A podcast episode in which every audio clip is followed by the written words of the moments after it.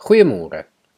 Die belydenisskrifte leer ons dat die verlosser van hierdie wêreld iemand sou moes wees wat nie self gestraf moes word vir iets wat hy of sy verkeerd gedoen het nie. Met ander woorde, dit moes iemand gewees het wat sonder sonde is.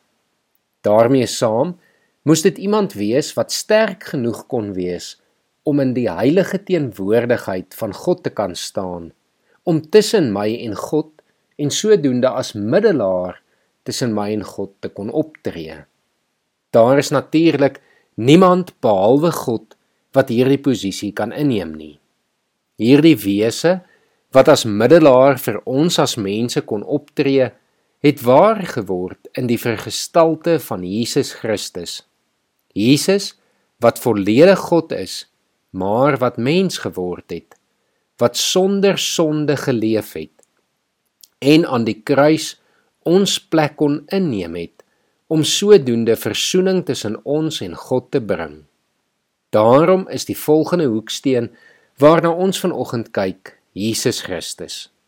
Jesus self het gesê hy is die hoeksteen van ons lewe wat ook in Efesiërs 2 vers 19 en 20 bevestig word as ons lees so is julle nie meer vreemdelinge en bywoners nie, maar medeburgers van die heiliges en huisgenote van God, gebou op die fondament van die apostels en profete, terwyl Jesus Christus self die hoeksteen is.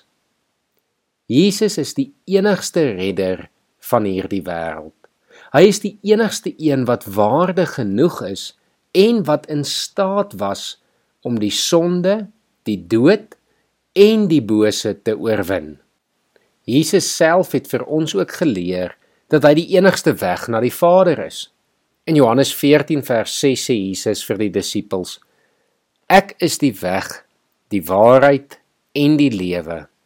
Niemand kom na die Vader toe behalwe deur my nie. Kom ons wees dan vandag dankbaar dat Jesus ons gered het. Kom ons aanbid hom as die enigste redder van hierdie wêreld en weet dan vandag dat hy die hoeksteen is waarop ek en jy ons lewe moet bou. Ek sluit vir ons af deur vir ons 2 Timoteus 1 vanaf vers 9 tot en met 10 saam te lees. Hy het ons gered en ons geroep om aan hom toegewy te wees. Dit het hy gedoen nie op grond van ons dade nie, maar op grond van sy eie besluit en die genade wat hy van ewigheid af in Christus Jesus aan ons geskenk het. Hierdie genade is nou aan ons geopenbaar deur die koms van ons verlosser, Christus Jesus.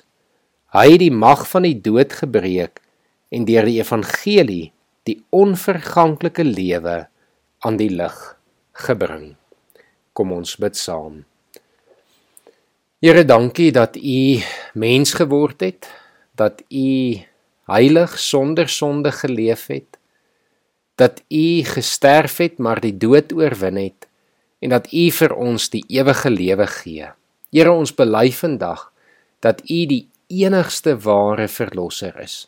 En Here daarom wil ons ons hele lewe aan u wy, soos u ook van ons vra hier in Timoteus. Here lei ons dan ook deur u gees sodat ons u met toewyding in ons hele lewe kan dien. Ek bid dit in Jesus se naam. Amen.